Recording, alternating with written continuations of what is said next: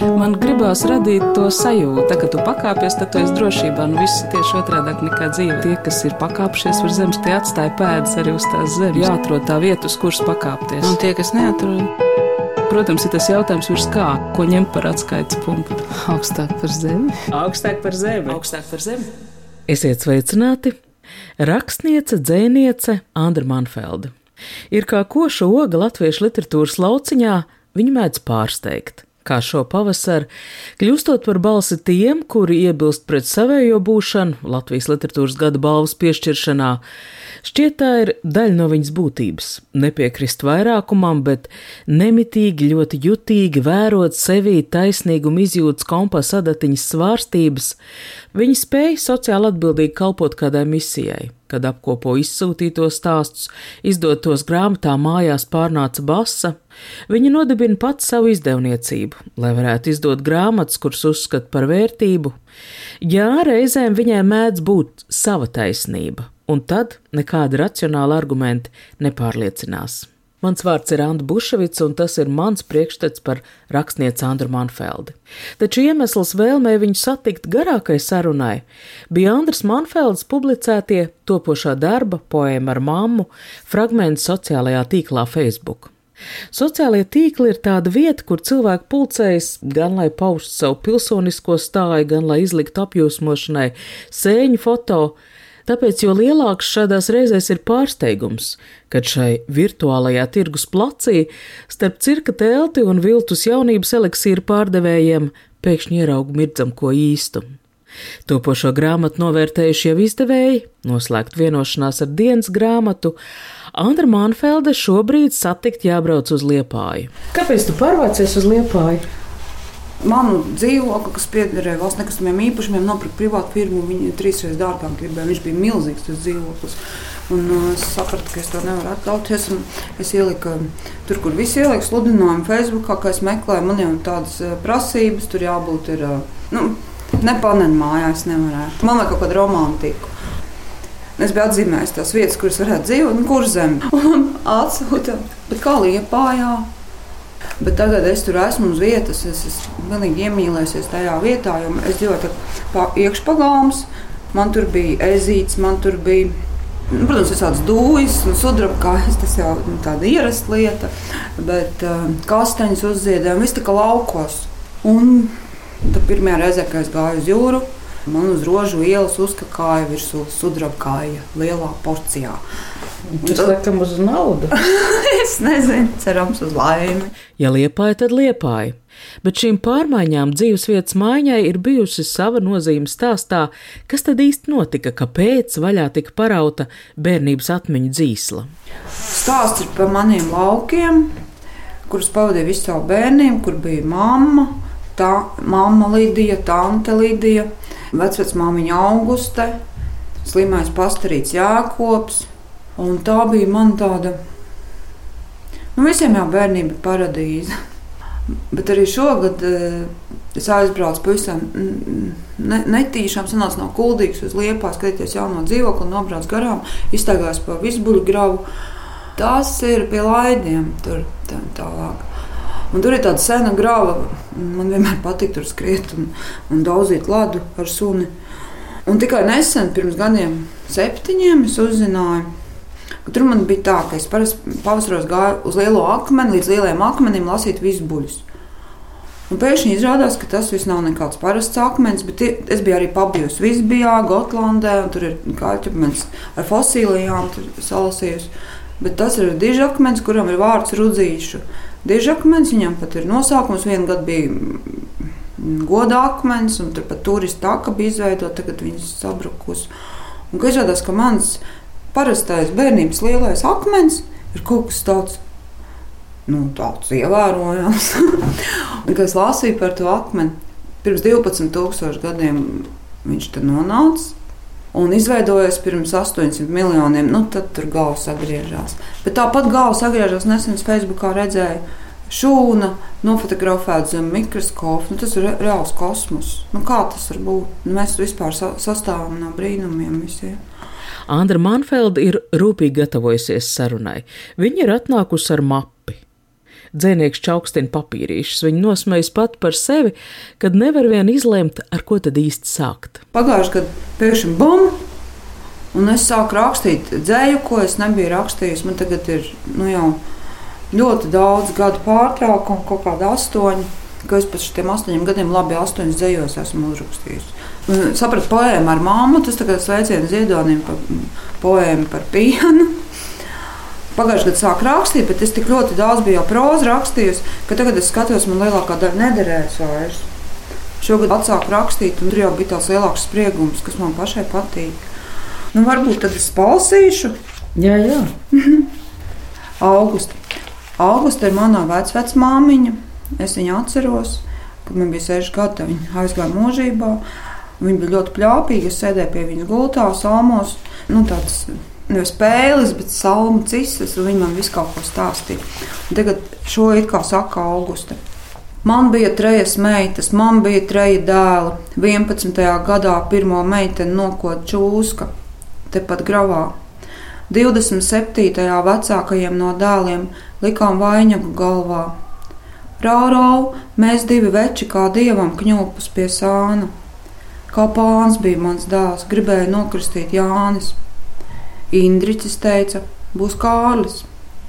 Ozola kronpiņa māsa saugriežu svētot. Tās māte. Tas arī viss. Plaušu karsons pļāva, šepat pļavā, ar tveici un ziedu čagām. Otro no dēliem parāva karš, akēlas, ērķeles, kad tām būs gana. Gauži bļāva, bērns cicēs cita, cicēs cita, kad krievs ar laitni sita, solījās nošaut māti, tad palaida vaļā. Kas tie brēcēji bija? Pusaugu meitietis Lida. Tai sirdē, te jāters, te prātiņš opera, tai smalkiem cimdiem gar skatlogiem nostaigāt, šī gan gotē, šī slauc gošķina trušiem smirdīgi gārsu, šī noburo kuili, šie izskalo zarnus un iemāj sārtenu gaļu vai pastarītim bija vaļa? Kurš turēs rūpi par slimu, kurš tupēs ar karoti blakus, dīki pārumiem, dīki pa pakaišiem? Nē, lai grauž nagus un pirkstus sūkā, vērības tikai pie lopiem un tīrumiem, lūk, zemnieku daļa. Vecākā meita pēc saimnieka dēla loloja ļoti bērnu, šiem cicais cita, cicais cita. No stepes pienāca ziņas par puiku, tad meitu, vēl puiku, bet visi jau nenobrauc mājām. Mums pietiktos rūmes, kalpu galā, kas vainas, gana pie darba un galda, bet mutes bats papēš vaļā. Jūra dvēseles baltajā bērzā kā vēla nagla pie piemirsta pestītāja. Tā es tiem nesu un nesu lopu mutēm, un bērnu mutēm, bērnu un lopu, līdz saliecos sirpī uz zemi. Rokas ir līdzas, rokas ir dakšas, rokas ir spaņi, rokas ir grāpi, rokas ir bļodas, rokas ir ciris lopam pie skausta, rokas ir brūces, rokas ir zīmes, liktenis mēslus iesējas pirkstos, lai nelaižos debešos klaigāt. Kurš? Auguste, čurkste, kurš?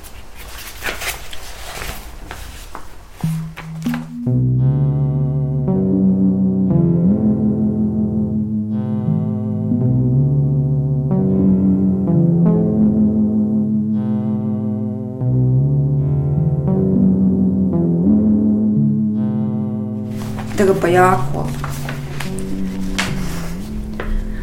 Tas man bērnībā bija liels pārdzīvojums. Viņš vienmēr stāvēja pie šķūņa un kratīja savu nūju. Viņš it kā bija un nebija. Tā. Divu dālu gudri, trešais Jākops, pastarīts no stikla kalna lejā no kāpes. Viņš jau piedzimis zārkā. Tādu zemnieku glabā bēniņos un ieguļas piemērot kā tupeles. Padod buteli! Jākops nerunā rausta rokas, viņa piecpirkstu vaska sveces, kurās nekad neiedegsies uguns. Pieskars tikai ēdienam alumīnija bļodā, ko atnes viņa divas sievietes, sākumā māte, tad māsa. Pankoks, augusts, zapcūden, lidija. Nāve ir kristāls slieksnis, vai ne jākopiņa? un zeme ir tik nežēlīga mākslinieca. Rīs graudu saka ar kokos, zobens pakšos, aizvesuļo sūdu čupu, noglazēs lieksni. Durvis atvers ar lēnu vaidu, vienīgās tavas sievietes salauž gūžas, nesot tavu naktspodu jākopu. Sev 30 gadi pa vidu, tavu dzīvi kā viena diena, tavu dzīvi kā simti gadu. Klusēšanu tu esi apgūst vislabāk, pazemību un vērību. Pastarīts stikla kalnā, citiem nesaredzamā zārkā. Stikla siena ir starp tevi un tiem, kur šaudās no pienākuma uz pienākumu, no nektāra uz nektāru, no iekāras uz iekāri. Es zinu, tu redzēji pavisam skaidri skudras bites un mani mazu meiteni, kas izvairās skatīties tavā sejā Itin kā tās tev nemaz nebūtu. Tu redzēsi skaidrāk no mums visiem, bitēm, cilvēkiem un skudrām, ka saucerīts ir tikai puķis. Tās uziet no gada uz gadu, bet neviens tās neliek kristāla vāzē, kā tevi, Jākop. Kurā brīdī Jēkaupiņš, no kura tu saki, tev bērnībā bija bail, kļūst par to antiņu, kurš zina vairāk par visiem. Tur pat tā antiņa tur ir tā, ka es nezinu, kur man tas zejos pazūd, bet es katru vakaru, tante man bija tā kā vecmāmiņa, jo vecmāmiņa dzīvoja citur, un viņa man katru nakti stāstīja pasaku vienu to pašu. Pa to sauc arī tas tika kalnā. Un tā tā nabaga tante bija nogurusi, nomācījusies un nostrādājusies. Un viņi tik stāsta, stāsta un iemiega. Un es tikai bukņi augšā.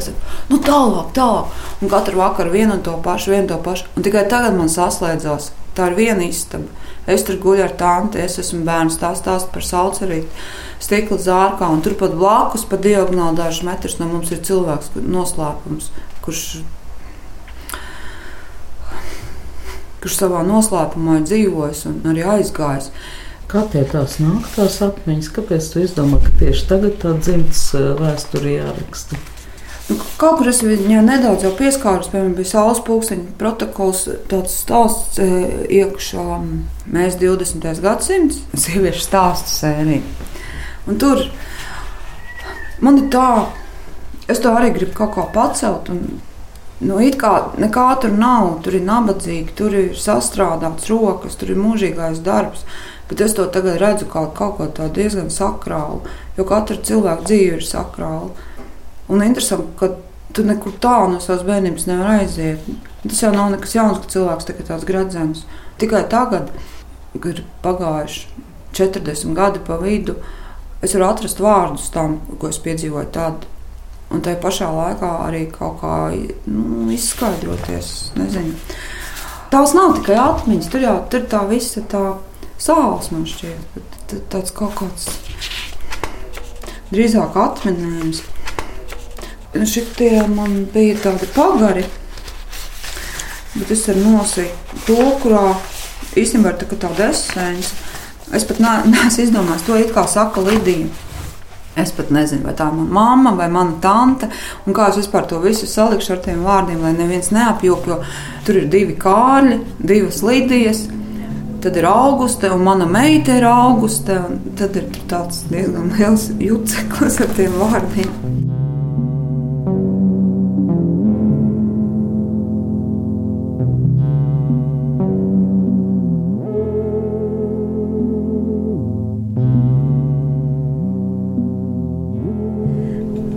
Tā.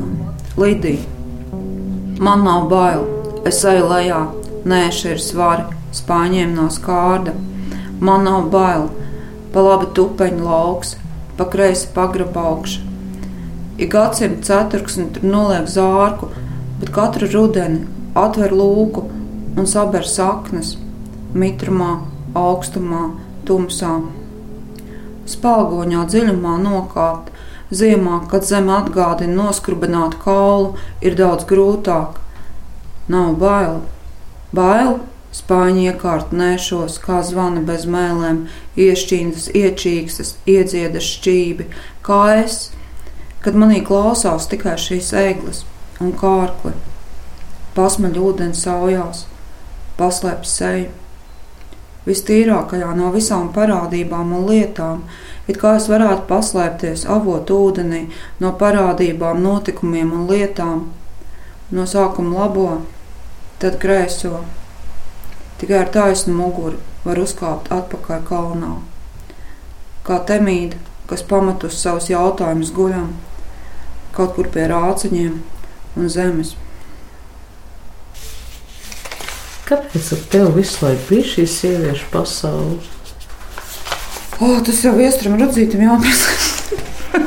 Nē, nu viņa objektīvi tur bija. Nē, nu, protams, jautājums varbūt tu vienkārši pamanīji tikai šo sieviešu pasauli. Viņa bija. Pirms es biju dzimusi, tad Dantē Lindijai vīrs nomira ar aknu cirozi. Un mamma palika um, grūtniece. Tur bija vecmāmiņa Augusta grūtniecības mamma, pusauga meitene un tante. Tā, viņa bija tā, tā, nolikusies ar nerviem. Tā viņa stāstīja. To es arī rakstu. Nu kā? Revolūcija, karš, izsūtīšanas, smagās darbs kolhozā, pilns ar dzeršanu. Stiprās sievietes, kurām jākļūst bija stiprām. Tur bija govs, arklos, kas tur bija. Zirga mums tur vispār nebija nekāda. Tas taču bija nežēlīgi. Tas kolekcijas bija nežēlīgs. Viss, kā man mamma ir izsūtīta, tā stiprā dzimta bija sadragāta. Vecam tēvam bija 80 hektāru eh, zeme un vajag iekopt tā saimniecību. Viņa aizveda uz Sibīriju, pēc tam atgriezās atpakaļ. Tur bija tāda ļoti remontēta māja, ko vairs nevarēja pacelt. Un tā izkaisīja tos cilvēkus, un es jau neesmu vienīgā. Ļoti daudz tādiem kolhozos tā dzeršana, lūdzu, dzīvos par dzeršanu. Kārlis. Tur ir man roka stipri, stipri, zelta drūs, kūpoši lauki, iedeguši traktoristi, brāļi un draugi, dzīvie posmi starp mehānismiem un zemi. Tie, kuri cīnās starp gaismu un sauli, tie, kuri ieplēš zemē zīmes un ved mājās baltus graudus, spirti, spirti Tur man roku stipri, stipri palīdz piecelties. Tu taču mācēji sagādīt mani, ka vakar mājās tik silta. Celsimies prom no šīs kušetes cirozes, tiksim atpakaļ mūsu sākumā, kur pāri augstošai zemē tu tuvojies balta ar kalām pār roku, kur tūpas un tromboni, kur viesu mutes maļ pamiešus, cerīgas dziesmas un cienestus, caur dubļiem un visbuļiem gavilis. Tu nakts solījās priekā turēties mūžīgi, bet šajā spriegumā starp dzelzi un zemi vajag spirtu. Mani vīri stipri, stipri, spirti, spirti. To plauksti izirst kā aukla, šūpojās naktī, viens un degošs, pilns alku, sāpju un slāpju. Lidija, tā un Lidija tā kā atbild. Kā man te izglābt apses, prasa šķinda, prasa ķēde lopam uz kakla un kokā šūpojas prasīdam, vai, vai, vai, kā man izglābt, vai tā nav nasta, asaras prasa, asaras asinis prasa.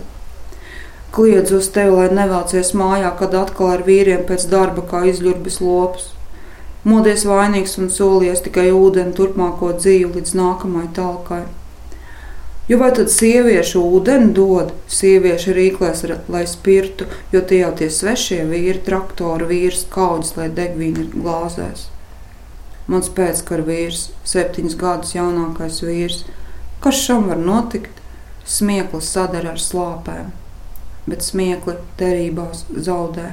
Uzsit zolīt, iededz paperos, izrauga graņonku, strādā no āsmas līdz ausmai, iededz stiegrains ēdienu, vajag ēdienu vīrs vienmēr prasa. Prasa ieķerties rokās, prasa, lai izceļ laukā, prasa, lai atgriež dzīvu, padzert no krūtīm, lai mūžam šam neslāpst, saritināties, klēpī kā ziedam. Es atceros kādu publisku diskusiju laikos ap tūkstošgadus miju, kad Valmierā vēl notika Rudolfa Blaumaņa teātra festivāli, un vienā no tādiem Evita Sniedze, pati lauku darbus bērnībā strādājusi, aizstāvēja jauno Indrānu saimnieku, kurš, lūk, vairs negrib dzīvot veco Indrānu smago lauku darbu ritā. Nu, tur bija tik mm, daudz darba, bet maz svētki. Bet tajā pašā laikā Nu, es nezinu, man tāds ir, ka es druskuļi esmu tāds pārstāvis. Nu, kā jau citreiz prasa, nu, kādi tev tur vecāki, kas te tev tur rados vai vēl kaut kā. Man neviens nav rados, visi zemnieki. Bet es pati nevaru, manā zemē nekas nesanāk. Es tur mēģinu kaut ko tur kasīties, rakņāties, un tur nekas īpaši man neizdodas. Te pašā laikā zem man tuvu, zemes smarža man ir svarīga. Te es nolasīšu to, varbūt piestāvēs šim. Jā, un nagi, ne kapli, ne grābekli, siena pantē kā beigta spindzele. Paskat, ķocīt, cik tā to ogu, tās tak brangās rupēķu kristos, gausam sliņķam kā rožāņu sivēnu, skruļotām kātu aštelēm, aizlun gar ērkšķiem pašas ripos klēpi. Bet tev viss pie zemes bērs. Darbs tevim bēdzas kā launa gēnas, kā nomiģa rosība, kā vecuma nauda. Aizkacēt liepzara ziediņus varēsi, Izdētās olas no perēkļa lasīsi, pieliec pie ausu un pakrati dūšīgi, vano padēkļa vanskars tišs, patrens klukstus ar kūju, ūjiņu suņam un pēcā goves, droši dot telēnam ņuku, un kad šis aplaisīs ģīmi, tik nosīsies tālāk kā dieviņa bučota.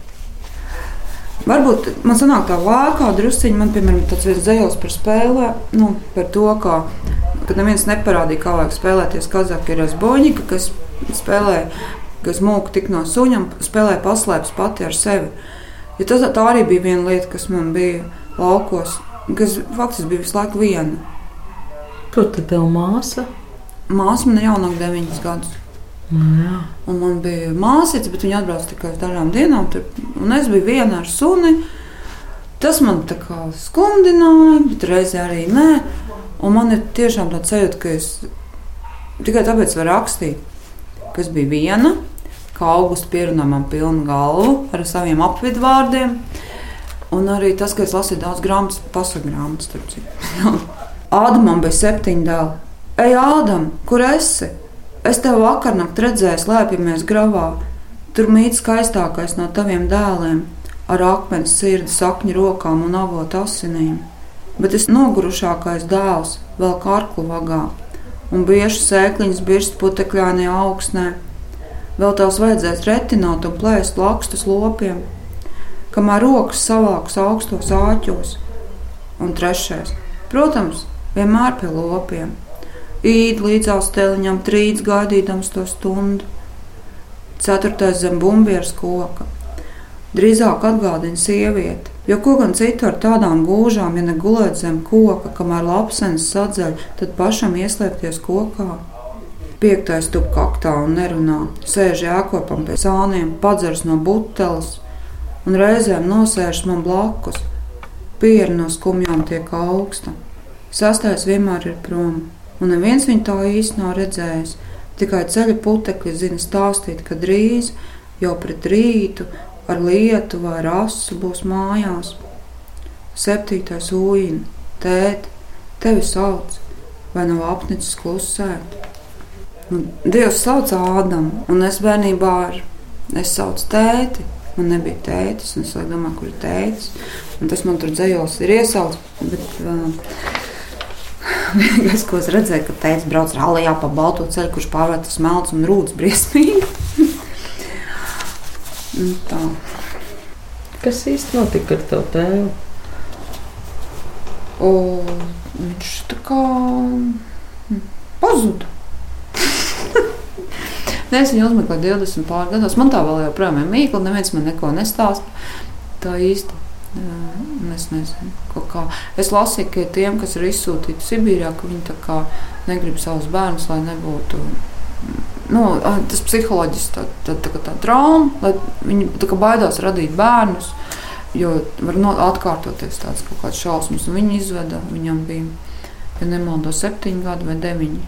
Viņš man ir stāstījis, un es prasīju otro reizi, lai es rakstītu mājās, pārnāca basa viņa stāstu. Tad es nedabūju vairs nevienu vārdu. Un es tā arī neatceros, kas man tur bija.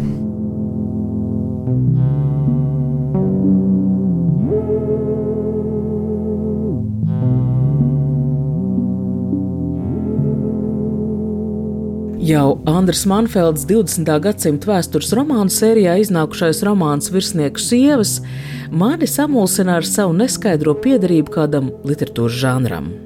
Tas bija romāns, tātad proza, bet teksta koncentrētība, iekšupvērstība, nekavējot vārdu ar faktu vai situāciju aprakstiem, drīzāk lika domāt par dzēju. Savukārt topošā poēma ar mammu atkal izsit no skaidrības. Uz papīra es redzu dzējas rindās sadalīt tekstu, bet šos dzējoļus pavada paskaidrojumi, ir fotografijas. Šie dzējoļi ir savstarpēji saistīti, tie sarunājās kā lūgs vai operas libreta personāži. Un vēl šī ir grāmata, kurā līdzdarbojas arī tagadne. Šodienas notikumi iejaucās šai Bībeles stilistikā ieturētajā kolhoza laiku dzimts vēstījumā, nemitīgi izmainot arī notikumu uztveri, to kontekstu. Kāpēc tu meitai ieliki vārdu Augusta? Pirmā meita man ir Anna, vecmāmiņa Anna. Man vienmēr likās ļoti skaisti, un tad man bija tā, ka es aizbraucu uz rakstnieku māju pirmo reizi dzīvē, un tā ir uz Annas ielas. Un vēl bija šis Anna Karēņa, nu, kas, protams, nav tāds motivējošs. Tā, bet... Un es auklēju bērniņu naktī, pieskatīju Ziemassvētku naktī. Un viņi raudāja kaut kā.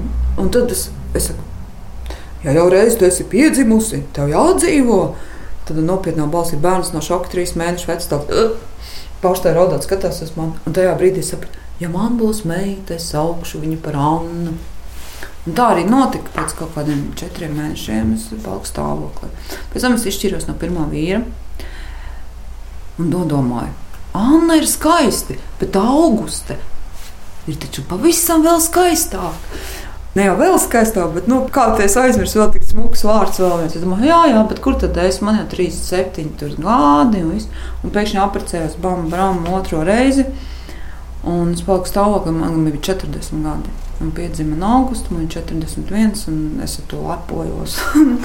viņa ir ļoti liela plāpa. Tā kā manā vecmāmiņa arī runā vienā gabalā. Bet man tik smieklīgs, mammai prasa, nu, mamma, ko? Viņa saka, mēs runājām visu cauri nakti. Es saku, ko jūs runājat? Es neatceros. Mamma jau 75. Bet par ko ir viss šis lielais dzimts stāsts? Par to, ka tie likteņi atkārtojas, nu, kā tas ir kaut vai Markesam simts vienotības gados. Tas ir kaut kādā bibliskā nozīmē, ka tu vienkārši pieraksti, ka tur tas un tas dzemdināja to un to. Kaut kur arī, jā. Es domāju, cik tas ir interesanti būtu, ka varētu atkāpties un visu redzēt. Tad arī varētu sev tā kā atšifrēt. Nu kā, uzraksti precīzi par vienu cilvēku, tu būsi uzrakstījis par visiem. Tāpēc man ir arī iecērt šo kapli zemē, uzdakšo, iekapā, iešņā, pārdur, uzšķert, uzver, uzvar. Te nav ne bultu, ne Sebastiāna, nekā sakrālu, un tomēr viss, kam pieskaries, ir jāpaceļ, jāiznes līdz galam, jānoliek vietā. Tie ir jāuzārda, jāievaino, jācaurdur. Kā ķermenis cīnās ar laiku, tā zemnieks ar zemi. Es redzu, Viņai saule uz muguras, pati zem tās, dilis deķis piebāzts ar čaganu zāli. Jāsasien tik cieši, ka nokrakš locītavs, jāuzaļ uz muguras, jāpaliek stāvam. Es redzu, viņa salīgojas, it kā nestu visu, kas bijis, ir, būs. Saule uz muguras bet es kā bambāls augšpēdas apvēlēs vēroju, kā putni sadiec debesis un maigs vējš spēlēs lapās, notrauc pa ziedam, krustīmens zars uz takas, kamēr viņa iecērta šo dakšu miesām.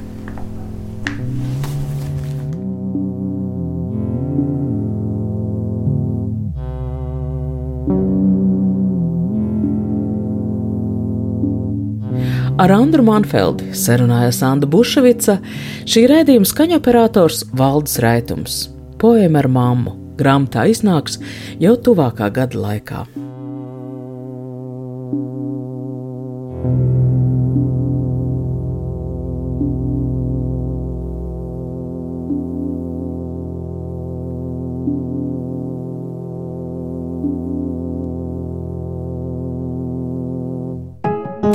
Pakāpies, tad tu esi drošībā. Nu, viss ir tieši otrādi nekā dzīve. Tas ir tā spēle, jā. Tie, kas ir pakāpšies virs zemes, tie atstāja pēdas arī uz tās zemes. Protams, ir tas jautājums, ko ņemt par atskaites punktu. Nē, nu, principā ir skaidrs, augstāk par zemi. Jāatrod tā vieta, uz kuras pakāpties. Augstāk par zemi. Augstāk par zemi. Augstāk par zemi.